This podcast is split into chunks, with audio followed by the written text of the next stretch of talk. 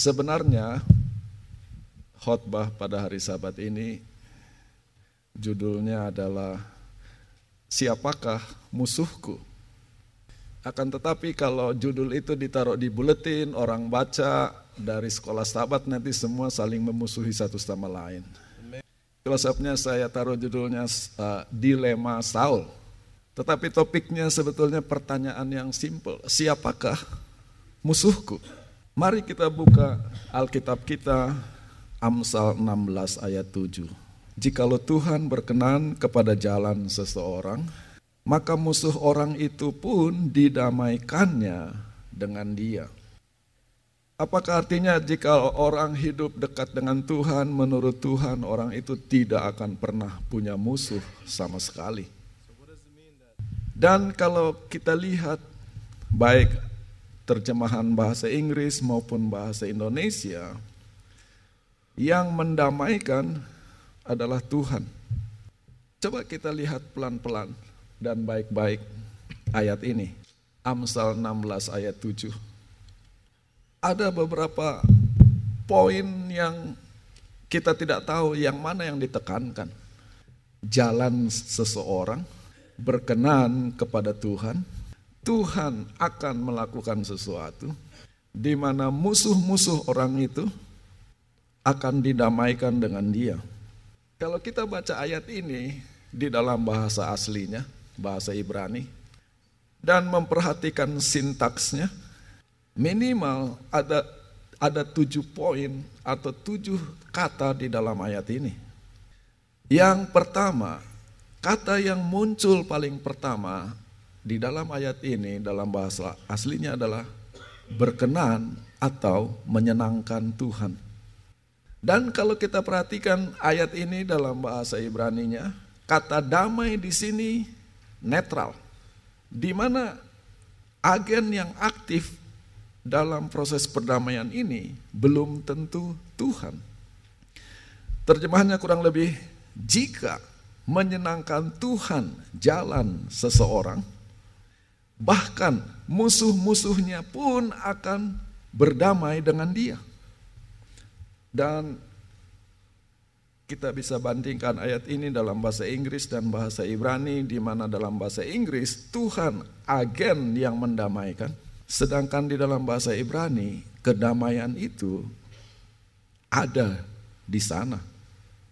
Untuk bisa mengerti konsep dari ayat ini dengan lebih baik, maka saya mengambil salah satu cerita permusuhan yang paling klasik dan unik di Alkitab, yaitu antara Saul dengan Daud. Sebelum kita teruskan khotbah ini, walaupun khotbah ini membahas atau temanya adalah tentang permusuhan, jangan khawatir, poin dan nada dan suasana khotbah ini akan positif, tidak menyuruh Anda bermusuhan. Ceritanya ada di buku 1 Samuel pasal 24. Garis besar pasal ini kurang lebih sebagai berikut. Saul mengejar Daud. Daud bersembunyi di dalam gua. Saul masuk ke dalam gua. Daud memotong punca jubah dari Saul. Lalu setelah itu terjadi dialog antara Daud dengan Saul. Dari mana kita tahu cerita ini adalah cerita permusuhan? Di dalam pasal ini kita dapati kata-kata tentang permusuhan. Di 1 Samuel 24 ayat 4, para pengikut Daud berkata kepadanya, Inilah hari di mana Tuhan berkata kepadamu, Lihat, aku menyerahkan musuhmu ke dalam tanganmu. Kata musuh ada di ayat ini. Kita pergi ke ayat 18 dari pasal yang sama dan ayat 19. Saul berkata kepada Daud, Ketika Tuhan menyerahkan aku ke dalam tanganmu, engkau tidak membunuh aku. Padahal, jika seseorang menemukan musuhnya, apakah dia akan membiarkan musuhnya itu pergi dengan aman? Pengikut Daud melihat bahwa ada permusuhan antara Daud dengan Saul. Saul sendiri mengaku dan merasa bahwa dia adalah musuh Daud.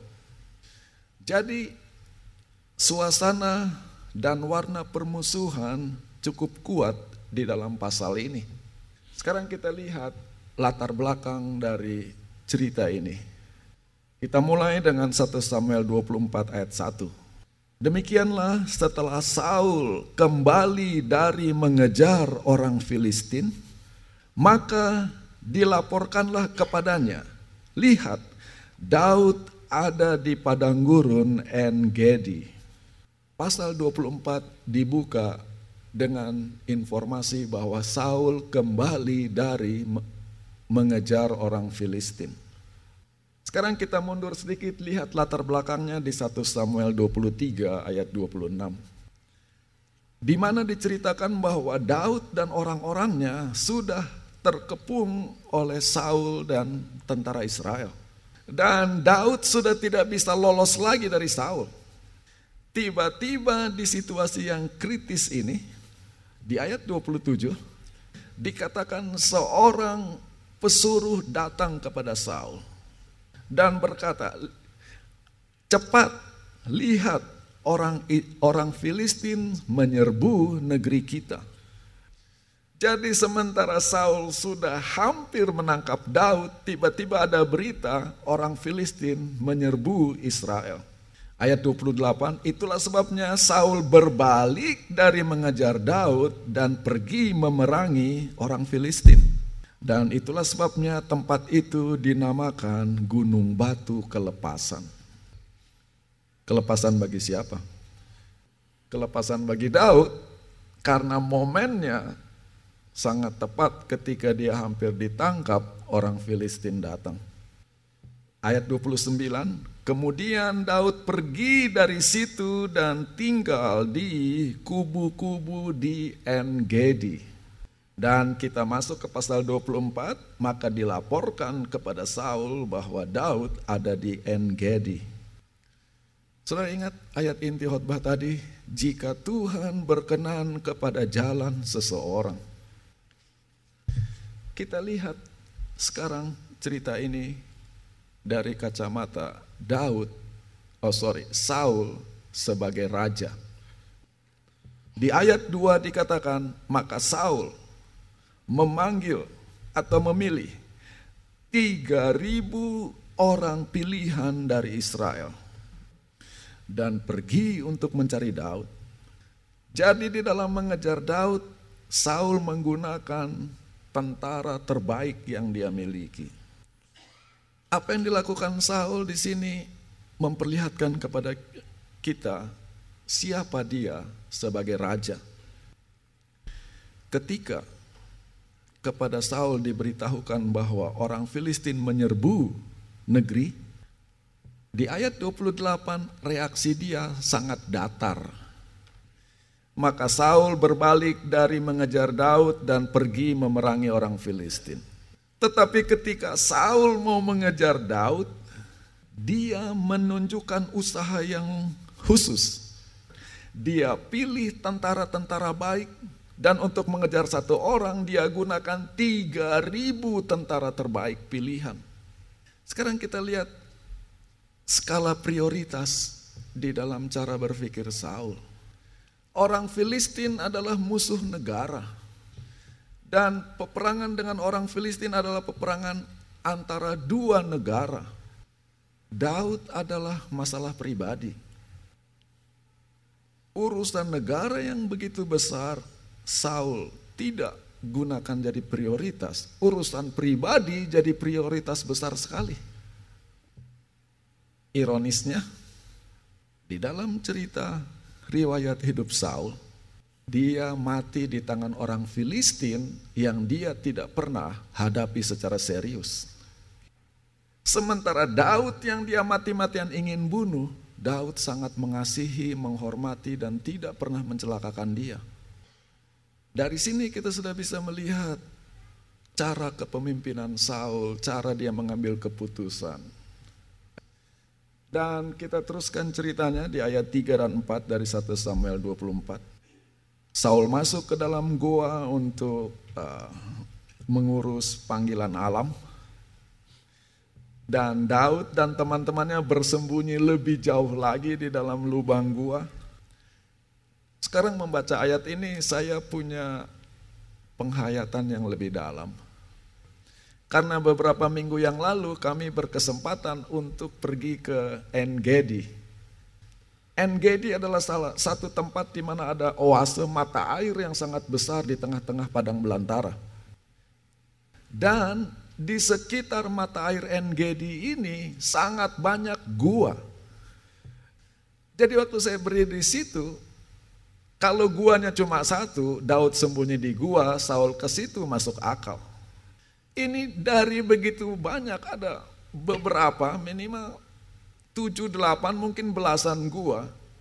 Kenapa bisa di tempat gua yang dipilih Daud bersembunyi, Saul pergi ke situ? Itulah sebabnya teman-teman Daud katakan, ini sudah jalan Tuhan ini, bahwa dia datang ke gua di mana kita sembunyi. Dan kita tahu dalam cerita Daud memotong ujung jubah Saul. Setelah itu Daud keluar dari gua dan mengejar Saul dan terjadilah dialog antara Saul dengan Daud. Ayat 7. Daud mencegah hamba-hambanya dan tidak mengizinkan mereka menyerang Saul. Saul bangkit keluar dari gua dan pergi. Saul tidak tahu bahwa nyawanya terancam. Saul tidak tahu bahwa musuh besarnya yang menyelamatkan nyawanya. Di ayat 8, maka Daud bangkit keluar dan memanggil Raja Saul. Tuanku Raja, Ketika Saul berbalik, Daud sujud dan tunduk sampai ke tanah. Ayat 10. Lihat kata Daud. Pada hari ini matamu sendiri melihat bahwa Tuhan telah menyerahkan engkau ke dalam tanganku di dalam gua. Ayat 11. Dan terlebih lagi, Bapakku lihat Ya, lihat ujung jubahmu ada di tanganku. Kalau Saul tidak percaya kamu bohong-bohong. Kalau saya bisa eh, memotong ujung jubah tidak ketahuan, jauh lebih mudah potong leher. Dan ayat 11 dikatakan, Kenapa saya hanya memotong ujung jubahmu dan tidak membunuh engkau? supaya engkau bisa mengerti dan melihat tidak ada kejahatan, tidak ada pemberontakan di tanganku dan aku tidak berdosa terhadap engkau. Tetapi engkau mengejar-ngejar nyawaku untuk membunuh aku. Sekarang kita analisa sedikit kata-kata Daud ini. Tadi kita sudah baca bagaimana pasal ini diwarnai dengan permusuhan. Para pengikut Daud di ayat 4 menyebut Saul sebagai musuhmu. Di ayat 19 Saul menyebut dirinya sebagai musuh Daud. Tetapi kalau kita lihat dari cara bahasa Daud kepada Saul, dia memanggil Saul sebagai tuanku raja ayat 8. Di ayat 11 dia menyebut Saul sebagai bapakku. Sabat lalu kita ingat, karena Saul memang bapak mertuanya karena dia kawin dengan Mikal. Poin yang mau saya kasih tunjuk di sini, pasal ini penuh dengan permusuhan, tetapi dari mulut Daud tidak pernah keluar satu kata pun kata-kata permusuhan.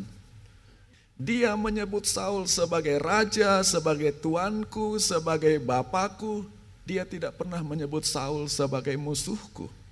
Di ayat 11, dia katakan tidak ada niat jahat, tidak ada niat pemberontakan, saya tidak punya dosa terhadap engkau.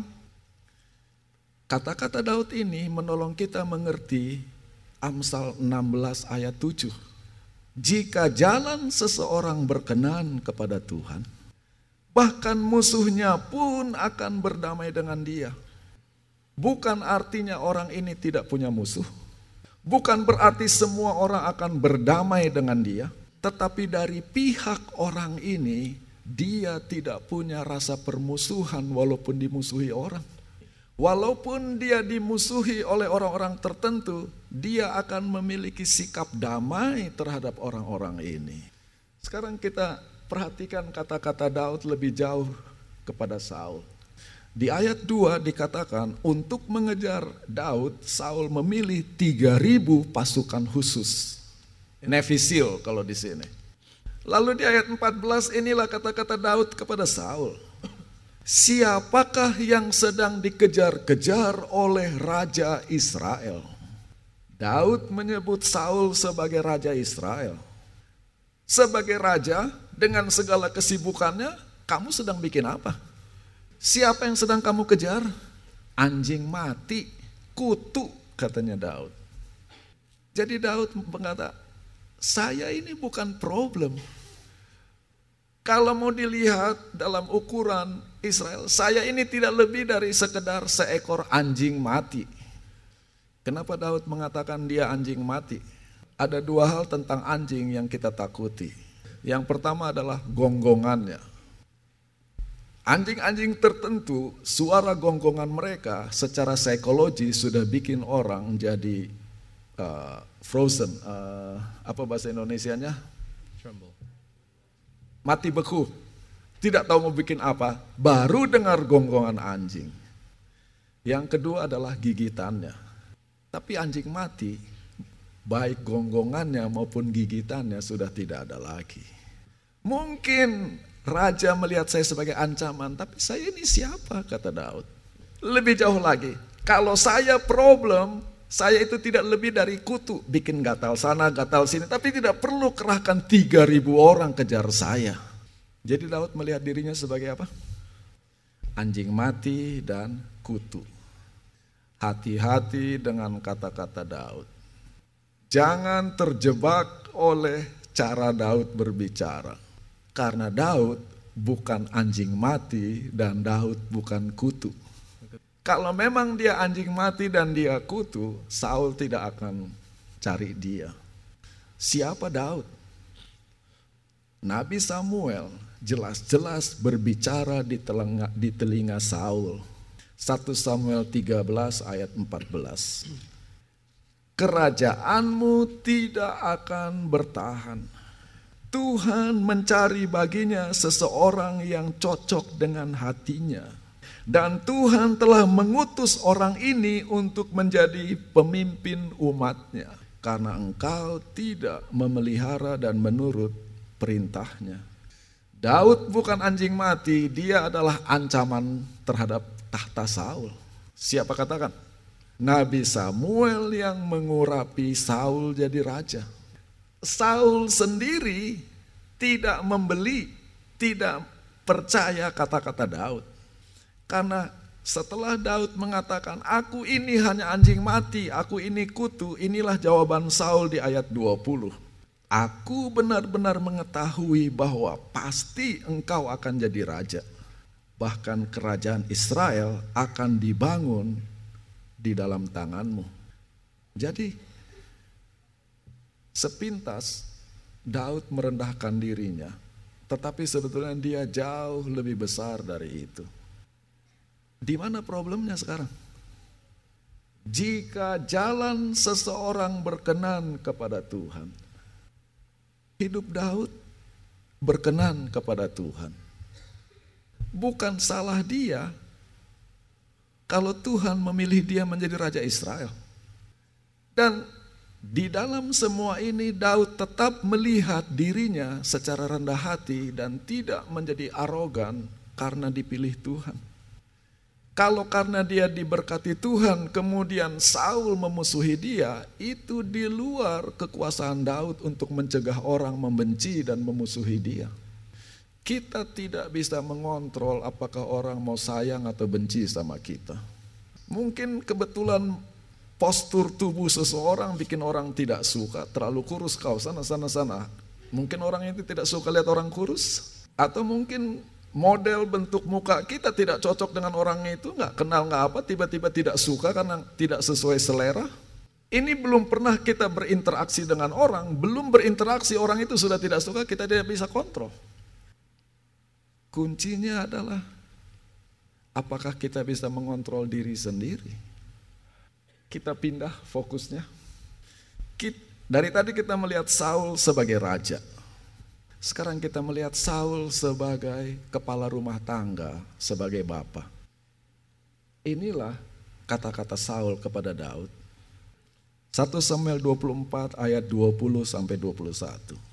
Sekarang aku benar-benar mengetahui bahwa engkau pasti menjadi raja. Dan bahwa kerajaan Israel akan teguh di dalam tanganmu. Itulah sebabnya bersumpahlah kepadaku di dalam nama Tuhan bahwa engkau tidak akan memunahkan keturunanku dan bahwa engkau tidak akan menghancurkan dan menghapuskan namaku dari rumah bapakku. Kata-kata Saul menunjukkan bahwa dia punya concern, dia sangat mencintai keturunannya sebagai bapak. Mungkin dia bukan raja yang bijaksana, tetapi sebagai bapak, dia adalah bapak yang mencintai dan melindungi anak-anaknya sampai dia punya beban terhadap mereka. Jangan terjebak kepada kata-kata Saul. Sahabat lalu baru kita pelajari cerita percintaan Daud dengan Mikal. Di ayat 20 dari 1 Samuel 18 dikatakan Mikal anak Saul jatuh cinta kepada Daud. Ayat 28, maka Saul melihat dan mengerti bahwa Tuhan menyertai Daud dan bahwa Mikal anaknya mencintai dia. Apa yang dilakukan Saul? Saul coba membunuh Daud, kekasih dari anaknya sendiri. Dan 1 Samuel 19 ayat 17, Saul berkata kepada Mikal, Mengapa engkau menipu aku seperti ini dan membiarkan musuhku lepas? Tidak ada dalam pikiran Saul membahagiakan anaknya. Tidak ada di dalam pikiran Saul bagaimana apa yang bisa saya buat supaya rumah tangga anak saya baik-baik, mereka saling mencintai. Kita pindah ke 1 Samuel 20. Di ayat 30 dikatakan, maka bangkitlah amarah Saul terhadap Yonatan. Lalu di ayat 30, dan dia maki-maki uh, Yonatan dengan kata-kata yang tidak mau saya baca. Suruh baca saja sendiri Alkitab Anda. Lalu di ayat 31 inilah kata-kata uh, Saul. Selama anak Isai itu masih hidup di atas bumi, engkau tidak akan teguh juga kerajaanmu. Itulah pergi, ambil dia supaya aku bunuh dia. Begitu nafsu Saul membunuh Daud, di ayat 32, Yonatan menjawab Saul, bapaknya. Kenapa dia harus dibunuh? Apa yang telah dilakukannya? Ayat 33. Maka Saul melemparkan tombak kepada Yonatan untuk membunuh dia. Ingat kata-kata Saul di hadapan Daud. Bersumpahlah supaya engkau tidak memunahkan keturunanku. Bersumpahlah supaya nama keturunanku tidak terhapus dari bumi. Indah sekali kata-katanya. Tetapi apa yang dia lakukan? Dia tombak anaknya untuk membunuh anaknya. Dia mau bunuh suami tercinta dari anak perempuannya. Membaca cerita Saul di 1 Samuel 24. Kita kembali kepada ayat kita. Amsal 16 ayat 7. Jika berkenan kepada Tuhan jalan hidup seseorang, bahkan musuh-musuhnya pun akan berdamai dengan dia. Daud jalan hidupnya berkenan kepada Tuhan. Itulah sebabnya hidupnya penuh damai walaupun dia dimusuhi oleh banyak orang. Dan ini bukan hanya dalam cerita ini. Kalau saudara baca riwayat Daud secara konsisten, dia dimusuhi tetapi dia tidak pernah memusuhi. Anaknya sendiri Absalom kudeta, dia memilih menyingkir. Ketika dia sedang menyingkir, ada orang dari keturunan Saul yang sepanjang jalan tendang-tendang debu ke arah Daud sambil mengutuk. Dia bilang biarkan saja, Tuhan sedang berbicara lewat orang itu. Sebaliknya Saul, hidupnya tidak cocok dengan Tuhan. Akibatnya semua orang jadi musuh. Daud yang merupakan aset pahlawan di dalam membunuh raksasa Filistin mau dia bunuh bukannya digunakan untuk kemajuan bangsa. Anak laki-lakinya sendiri mau dia bunuh, anak perempuannya dia rusakkan perkawinannya. Semua orang jadi musuh karena hidupnya tidak cocok dengan Tuhan. Judul khotbah ini adalah siapakah musuhku? Jawabannya bukan si ini, si ini, si ini. Kuncinya ada pertanyaan, bagaimana hubungan saya dengan Tuhan? Kalau hubungan saya dengan Tuhan baik, di tengah-tengah permusuhan saya akan hidup damai. Kalau saya dengan Tuhan ada sesuatu, semua orang jadi musuh. Tuhan memberkati kita semua.